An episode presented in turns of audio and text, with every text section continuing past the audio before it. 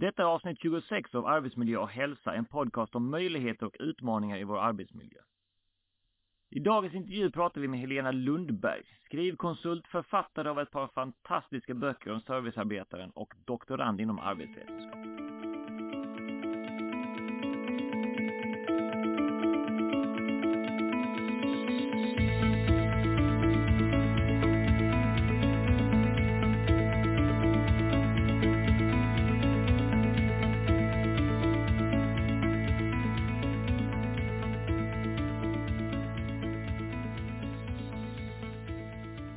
Lyssnare, Andreas här och välkommen till Arbetsmiljö och hälsa. Om det här är första gången ni lyssnar så tack för att du testar något nytt och väljer mig. Den här podcasten publicerar avsnitt varje tisdag och show notes finns på hemsidan arbetsmiljöhälsa.nu. Lägg gärna till podcasten till dina favoriter och du kan också följa oss på Facebook.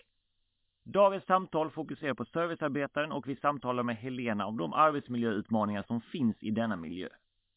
Då har vi idag ett samtal med Helena Lundberg, författaren, doktorn och även skrivkonsulten som ligger bakom boken Den bortglömda servicemedarbetaren bland annat, som kom ut ganska nyligen. Välkommen Helena! Ja, tack så mycket!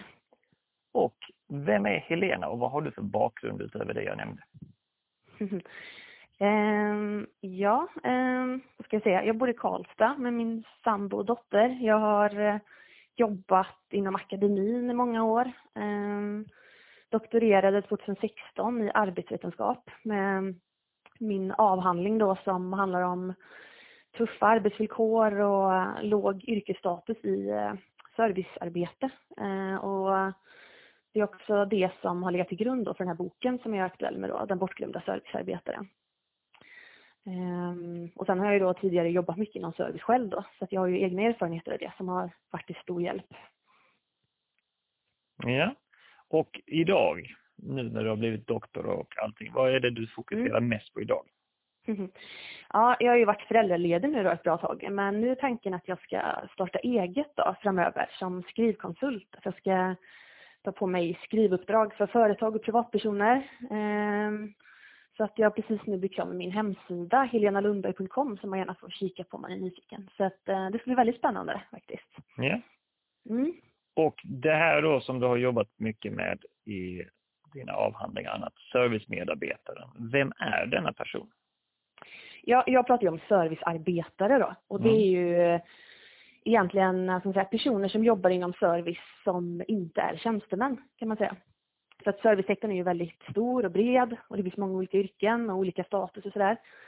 Ehm, så att jag kollar ju på rena arbetare eh, och då långt ner i statushierarkin. Ehm, och det har jag framförallt kollat på hotell och restaurang och detaljhandel. Mycket så butiksjobb, personer som jobbar i kassan, eh, på snabbmatsrestaurang, eh, med hotellstädning och så vidare. Så att ja, du har grävt lite i det här som ändå är en ganska vardagligt inslag för de flesta av oss, men som vi kanske inte riktigt reflekterar över så sätt. Ja, precis. Eller ursäkta, vad sa du? Ja, alltså, du har grävt lite grann i det här ja, som vi, vi, mm. alla möter varje dag men som vi inte reflekterar mm. över när vi stressar i vårt livspussel helt enkelt. Nej men precis, det är ju yrken som eh, man ofta inte ser, sådär, som är lite osynliga. Eh, de, de, ska bara vara, det är så jobb som bara ska bli gjort. Sådär, mm. som, men och ofta att det är först när någonting blir fel som man då uppmärksammar de här personerna och när man klagar och sådär. Precis. Därför känns det bra att få lyfta dem lite och, och så. Vad är servicetriangeln som du nämner bland annat i dina böcker och avhandlingar här? Det är ju, man brukar ju prata om att eh, det finns tre olika aktörer som är centrala och nödvändiga i servicearbete. Och det är ju eh, det är arbetsgivaren då, eller chefen, och det är den anställda och det är kunden.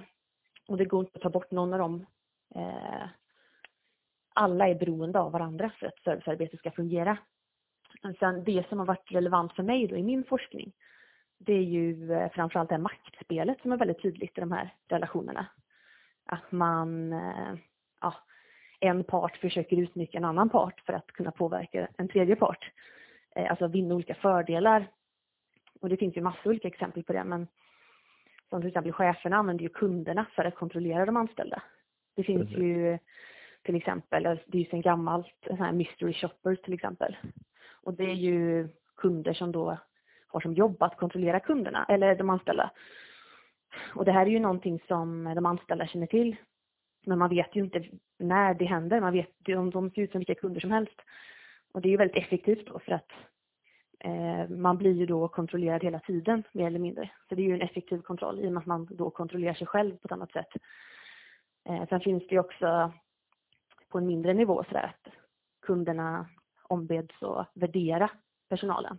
Deras, eh, hur de har blivit, vilken service de har fått, om kassörskan har varit tillräckligt trevlig, hjälpsam och så vidare. Man ska trycka på sådana här smileys av alla sätt. Och ibland också ofta att man belönas på olika sätt med så här pris eller så här, vad heter det, rabattcheckar och så om man hittar fel på kvittot och så vidare. Mm. Så det är ett exempel på hur man då, hur chefen använder kunderna då för att eh, kontrollera de anställda. Sen finns det exempel på hur de anställda använder kunderna för att också få sin vilja igenom. Som att det är mycket regler så i kassan att förhålla sig till. Och många av de här reglerna är ju satta av väldigt oinsatta chefer som inte själva har jobbat där och vet hur det funkar i det praktiska arbetet. Och det kan ju kännas väldigt obekvämt med sådana här merförsäljningsfraser eller att man ska ja, ställa sådana här ja, men liksom, specifika eh, frågor och fraser till kunderna. Och det är ju någonting som man som anställd lätt märker av att de anställda, kunderna inte gillar heller. Och då är det ju lätt att man liksom struntar i det. Och då mm. blir det som en liten pakt mellan kunden och ja, den anställda till exempel. Så det finns många sådana exempel. Så. Officiellt ska man ställa frågan men man har ett, mm. kunden vill inte ha det och den anställde vill inte säga det och så håller man tyst om det. Liksom. Ja men precis så. Jag tänker just det här fenomenet med mystery shopping. Hur stort är det egentligen så här liksom för de här servicearbetarna? Liksom? Ja. Hur mycket stress ligger det på dem? Jag tror att det är, det är svårt att svara på, men jag tror att det är ganska mycket stress. För det, det finns ju tydliga exempel på hur, eh, ja men hur, eh, vad ska man säga, eh, enskilda anställda eh, hängs ut eller liksom får skulden för att till exempel eh, ja, hela butiken får ett sämre betyg i mm. jämförelser och så vidare. Att de har sålt, någon som har sålt tobak då till någon minderårig eller de ger sämre service och så vidare. Så, Precis. Och så liksom hängs det upp på stora tavlan att ja, det var den personen till exempel. Och det är ju väldigt oproportionellt men ja. Den här mm. degraderingen av människan som blir då kan man säga. Hur kommer det sig att vi liksom inte ser den som kunder också. Mm. Liksom, att kassörskan är just mm. kassörskan och inte är liksom, jag vet inte, Jenny, 27 ja. barn och hundar. Alltså, är det med mig? Varför blir de, ja, precis. Varför, hur kommer det sig att vi tappar individen? Ja, alltså det finns ju, ehm, alltså det är ju, jag tror det tyvärr är så att kunder överlag tänker inte så mycket på att det är folks arbetsplats. Att man sitter där hela dagen och att, att det är så viktigt hur de beter sig. Men det är ju det, alltså man sitter där en hel dag och jag tror inte det att de flesta är ju inte elaka får vi hoppas, alltså, men de tänker sig bara inte för. Och, men det är ju så att det påverkar ju väldigt mycket.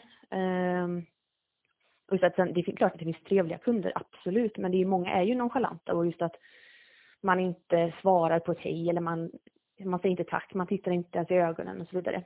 Nej. Och det blir ju att om man då sitter där eh, att man känner sig ju som en icke-person, att man mer eller mindre är som en förlängning av kassan. Så, eh, och det är klart att det påverkar en ju väldigt mycket. Och sen hänger ju det här såklart ihop med också att yrket har låg status som jag var inne på. Att kunderna tycker väl inte alltid att de måste bete sig så bra mot eh, servicearbetare. Man kan ju till exempel jämföra dem med en bank där det är tjänstemän som jobbar. Mm. Där det ändå skulle säga att det är lite, lite, lite högre status att där är det ju ofta så långa väntetider och så vidare. Men jag har svårt att se framför mig att det skulle vara speciellt vanligt att kunder kommer in där och suckar över långa köer eller skriker efter omedelbar service eller inte svarar, inte säger hej eller tackar och sådär. Så att eh, jag tror att det, det är lättare för folk när det är låg status att bete sig lite som man vill. Men det går väl tillbaka lite grann till maktbalansen du pratar om. Så att ofta mm. går man till banken för att man behöver någonting av banken. Ja. Medan när jag går och handlar på affären så gör jag dig en tjänst att du har ditt jobb mm. ungefär. Ja, men lite så. Det är väldigt intressant också för att om man tänker i ja, stormarknader så, så finns det ofta olika avdelningar där personalen mm. har en, en, kanske en viss inriktning eller speciell kompetens. Och det händer något intressant för att då är ju kunderna ofta beroende av den kunskapen man har. Ja. Och då ser vi att det är inte riktigt samma liksom, nonchalanta beteende. Så att, eh, nu har man mer tålamod och väntar på ja, TV-killen. Ja, men lite så. Eh, och sen så, sen är det ju också, ja men dels att det är ett, ett yrke som har låg status, men det är också så att eh, det är ju det här kundföreträdet som jag skriver om i min avhandling och min bok också, att, att kunden har ett visst överläge. Mm. Och det, det, man pratar ju inte så mycket längre om det här att kunden alltid har rätt, som man gjorde förr, för att man har väl insett att kunden har inte alltid rätt. Eh, men det lever fortfarande kvar, att man liksom, den filosofin att kunden har ett visst företräde. Just yeah. att kunden kan ju, behöver inte förhålla sig till någonting, utan den, man kan ju vara den man är och bete sig som man vill, medan den anställde har ju, måste ju förhålla sig till sin roll som företagets representant. Och så, där, så att även om jag blir attackerad eller kränkt som person så kan jag inte svara utifrån mig som person, utan jag måste fortfarande vara företagets representant och det skapar ju en väldig maktobalans så. Det finns ju också individer som har lärt sig utnyttja det där för sin egen gagn mm. naturligtvis. Eftersom... Ja, men precis. Och det är ju det som eh, många, när, när då kunderna beter sig respektlöst så upplever många anställda att det är ett missbruk av det här kundföreträdet. Mm. Och då blir det ytterligare, då blir det verkligen så här dubbel underordning. Att det är inte bara ett lågstatusyrke utan man har också ett, en, ett direkt underläge i själva mötet med kunden som ja. man då har hela dagen. Så att, eh, mm. Så det finns ju en hel del utmaningar för ja. servicearbetaren där kan man säga. Ja, precis. Och då, för att ha någon typ av lite benchmark, vad är en bra arbetsmiljö för dig rent generellt? Om man tittar på det liksom. Ja, alltså när man pratar om arbetsmiljö så pratar man ju då både om den fysiska och den psykosociala arbetsmiljön. Och båda är ju såklart jätteviktiga. Ehm, och det, det har väl varit så om man kollar tillbaka att eh, det är framförallt den fysiska arbetsmiljön som har värderat högre kanske. Det är väl tyvärr fortfarande så på vissa håll. Vilket jag tror hänger ihop med att den är mer, den, är, den fysiska är lättare att hantera på olika sätt. Det blir mer konkret. Man pratar om fysiska arbetsmiljöfaktorer som luft och ljus och ergonomi och buller och så vidare. Det är ju något man kan mäta. Och på det sättet så är det också lättare att eh, göra någonting åt. Det blir mer konkret så.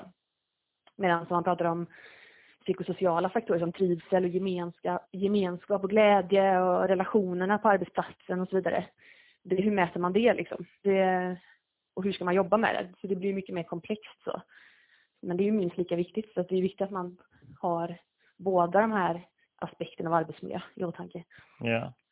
Och vad kan man då som ledare för en servicearbetare göra för att säkra en så bra arbetsmiljö som möjligt? Om man då till exempel som du nämnde, man kommer kanske in utifrån, aldrig har jobbat i en kassa. Till exempel. Mm. Och vad kan man då som ledare göra i den situationen? Jag tror att man, om vi då till exempel pratar om handel nu, så att man sätter sig in i de anställdas situation. Eh, för det är ju många som chefer som inte har jobbat själva på golvet. Man har inte riktigt den förståelsen.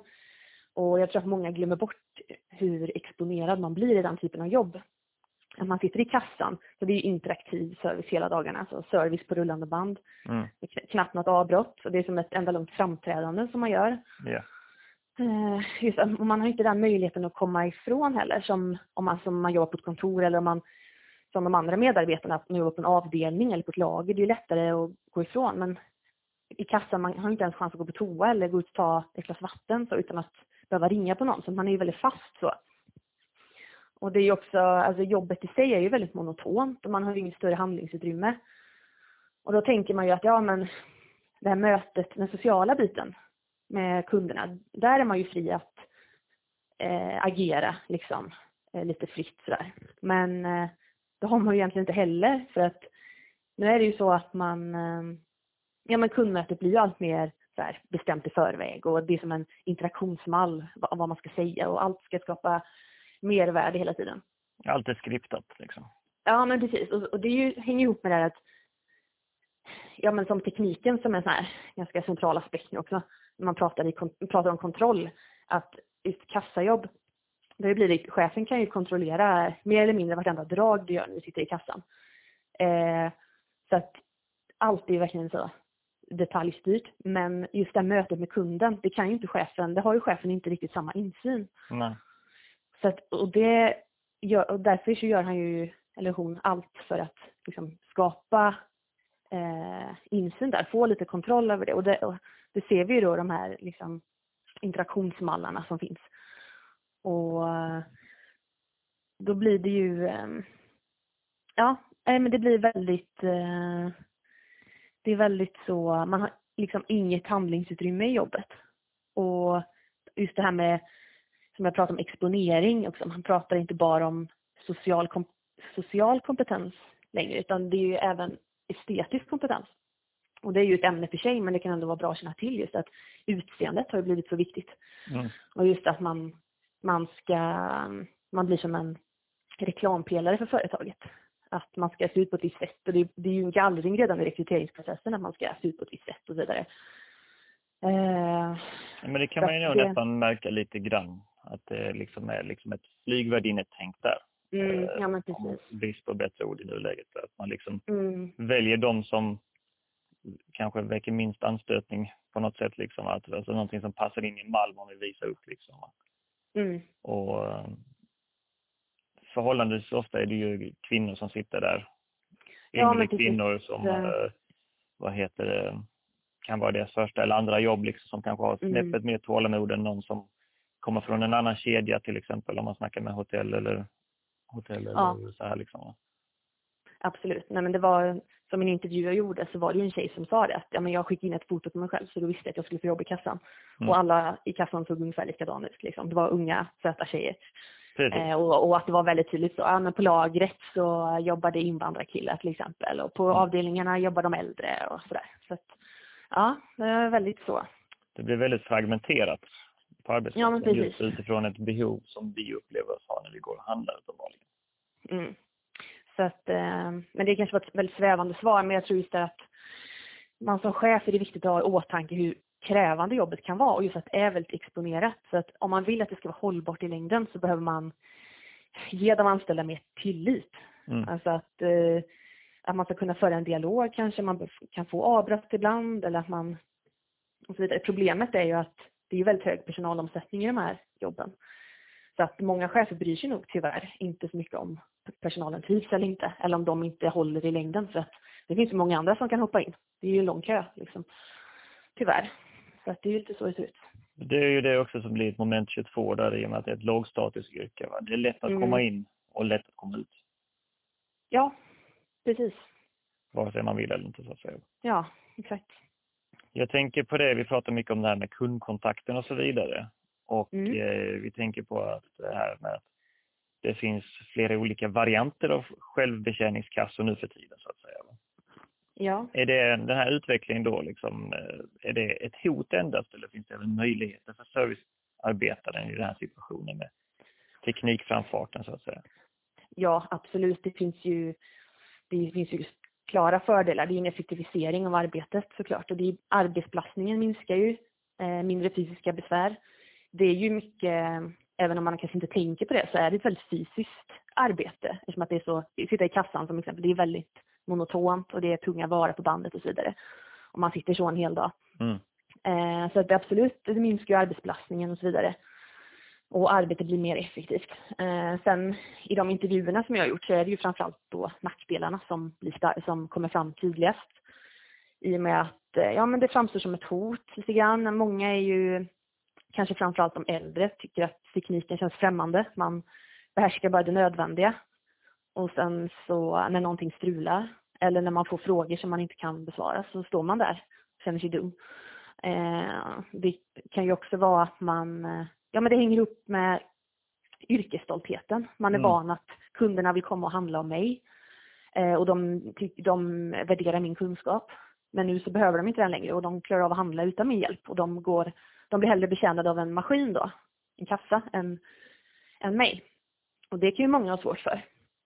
Sen så är det väl framförallt det här med, om man ska vara, se lite kraft på det, en stor tanke med de här självbetjäningskassorna det är att det ska ersätta jobb. Precis. Och det är klart att det är ett hot för många att man vill ju inte bli utbytt eller ersatt av en maskin så, och få sparken. Ja, eller bara en sån sak som att tappa timmar. Liksom. Om det går plus Mm, minus ja. noll va, så kommer det här in och så kanske du helt plötsligt tappar 7, 8, 10 timmar i veckan. Liksom. Ja, precis. För att man kan... Eh, alltså en ting med det här är ju också det, jag tänker liksom just det här att tekniken kommer in, det är ju just att man får en möjlighet att, upplever jag, socialisera mer med kunderna på ett sätt. För att nu gör kunden allting och så kan man stå och småsnacka under tiden till viss del. Mm. Så att Mm. det kan på ett sätt beroende på vem som står i den här självbetjäningskassan och är behjälplig om någonting går fel.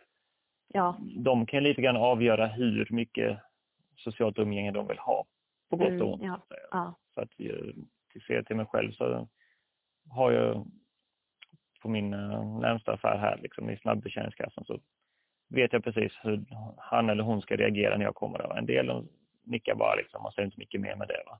Andra Mm. de hinner man prata både film och annat innan Ja, man är precis. klar. Liksom. Ja, exakt. Och för många anställda är det liksom det bästa med jobbet. Att man kan få en liten personlig kontakt med kunderna och sådär. Och så försvinner det. Precis. Va? Mm. Och det är ju också lite grann så här ändå eh, ett... eh, Vad blir det? Man kan nästan säga att det blir liksom ett litet eh, hemligt avtal för att eh, det är ju inte... Det är, alltså, jag litar på dig som kund Mm. och då utgår jag från att du litar. Alltså, du får handla här, vi kollar dig var tionde gång. Liksom. De andra nio gångerna kan du i teorin smita ner någonting extra. Liksom. Ja. Mm. Och det tror jag också liksom på något sätt har öppnat upp lite grann på ett sätt. Att man Mm. ändå liksom inser liksom att okej, men de litar på mig, då kanske jag ska sköta mig. Sen, Ja, man kan ju hoppas ja man kan ju hoppas precis. För att det är Ja. samtidigt så finns det definitivt människor som inte alls Ja, kör på det spåret. Så. Jag kan dock tycka att det är lite intressant för att vid många, många tillfällen så har jag upplevt liksom att det är helt tomt vid snabb, eh, vid Mm. självbetjäningskassan. Men Mm. det det liksom är långa köer till de manuella kassorna. Ja. Och det logiskt sett förstår jag det inte. För att man, många vill ju bara handla och vara klara. Men jag tycker ur ett socialt perspektiv så ser man ju hur viktigt det fortfarande är med den manuella. Ja, precis. Ja, exakt. Nej, men det kan ju ligga mycket i det. Och sen, sen vet jag själv att det är ju väldigt tråkigt att få kontroll. När man tänker att man ska spara tid och så blir det motsatta. Och då kanske man tänker att nej, jag orkar inte. Mm. Sådär. Det kanske, ja, nej jag vet inte. Men Nej. Eh, Det är i alla fall Mm. någonting vi får se, se mer utöver ju, så att säga. För att det kommer, Ja. den här verkligen. utvecklingen kommer på fler och fler platser också ju, så att säga. Så att det finns nog, Ja, det går ju verkligen framåt nu på alla fronter med tekniken. det gör Så det. att, eh, ja. Mm. Just utifrån att vi tittar på de här lågserviceyrkena så är det många gånger kvinnor som är överrepresenterade Mm. i de här yrkena. Liksom. Vi snackar Ja. kassapersonal, hotellverksamheter och så vidare. Och just, jag tänker utifrån perspektivet med hela den här metoo-vågen som gick, Mm. eh, som fortfarande pågår.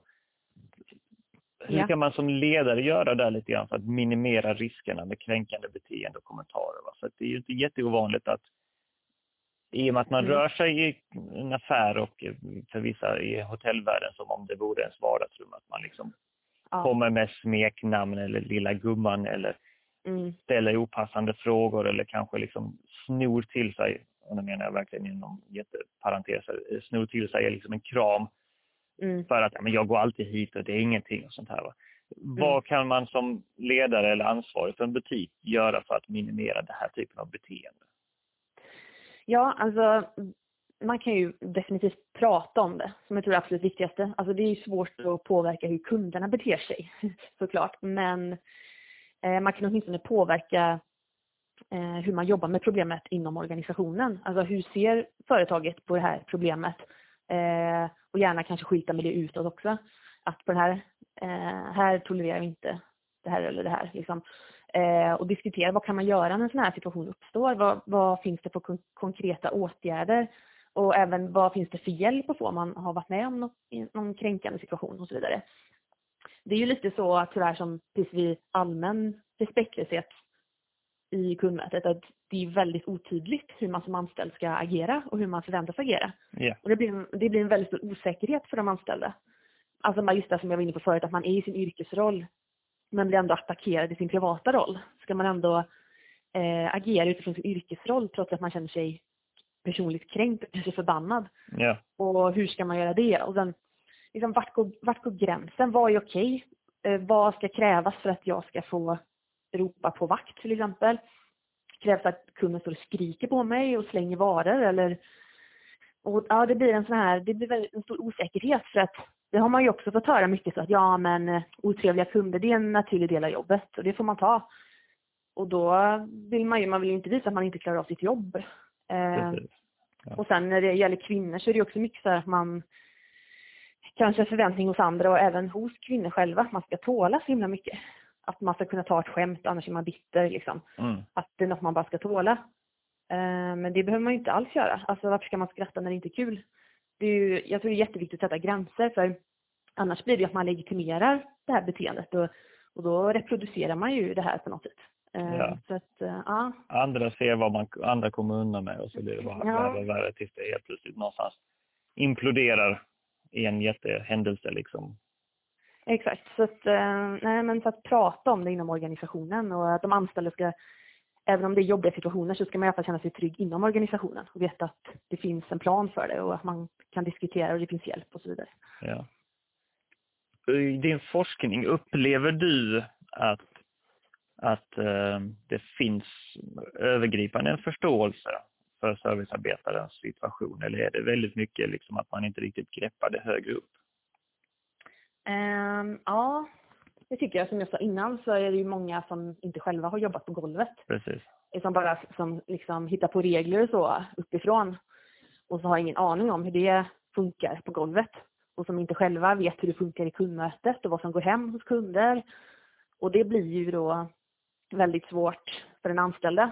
Som jag skriver mycket om i min bok så hamnar man lätt i sådana här lojalitetskonflikter mellan chef och kund. Att det blir lite grann att man har två chefer. Man är mm. underställd båda. Chefen ställer krav och kunden ställer krav. Eh, och så står man där och kunderna tycker inte alls om de här reglerna som cheferna har bestämt. Nej. Då blir man lite, vem ska jag lyssna på? Så att ja, det är ett vanligt problem. Precis. Och just då i forskningen där, har du mött på någon, någon typ av ledarförebild någon som du känner gör allting rätt? Eller några typ av egenskaper som är knuten till att göra allting rätt så att säga? Ja, alltså jag har ju inte studerat cheferna så, utan det är ju de anställda och deras upplevelser som jag har studerat. Mm. Så att eh, det jag kan eh, uttala mig om är ju de anställdas upplevelser, av sina chefer och hur de tycker att en bra chef är. Och där mm. ser man ju väldigt sån, ett väldigt glapp mellan hur de eh, definierar en bra chef och hur verkligheten ser ut. De tycker ju att, att det är viktigt med att kunna känna tillit, eller att chefen känner tillit för dem, att de får frihet under ansvar, att de, chefen litar på dem Eh, de tycker det är viktigt att de får komma till tal så att det de har att säga är viktigt. Och även att chefen är trevlig och ser dem och hälsar på dem. Mm. Men det är ju väldigt långt ifrån hur de upplever att verkligheten är. Ja, de upplever ofta att cheferna är nonchalanta och mycket som missar att ge viktig information. Det kan vara att man är planerad att jobba och sen så kommer man till jobbet och ja, så eh, får man veta att nej men du ska inte jobba idag. Så får man gå hem. Eh, eller att man blir tillrättavisad inför kunderna så på ett sätt som känns lite respektlöst och att man, ja men att cheferna pratar skit om andra. Eh, sådär, att det är lite oproffsigt. Ja. Så, sen finns det bra chefer också såklart, måste jag säga. Men just eftersom att jag har ju fokuserat på det som är problematiskt och just det här med chef, bristfälliga chefer det är någonting som är väldigt tydligt. Att det, det kommer fram väldigt tydligt så. Ja, och det, är väl någonting som man alltid kan hoppas att de i alla fall plockar upp på vägen då, att de i alla fall har skapat en kultur där man kan säga ifrån utan att det blir några mm. konsekvenser så att säga. Men det verkar ju som sagt lite utmanande. Helt klart. Ja, precis. För det har ju varit också väldigt tydligt att om man står på sig eller säger ifrån på olika sätt, att man blir då bestraffad på olika sätt. Så det är det som gör att man är lite rädd. Man vågar inte riktigt så göra upp ett motstånd och producera. Nej. Så att man blir bestraffad. Man kanske får färre arbetspass eller inte får jobba alls eller sådär.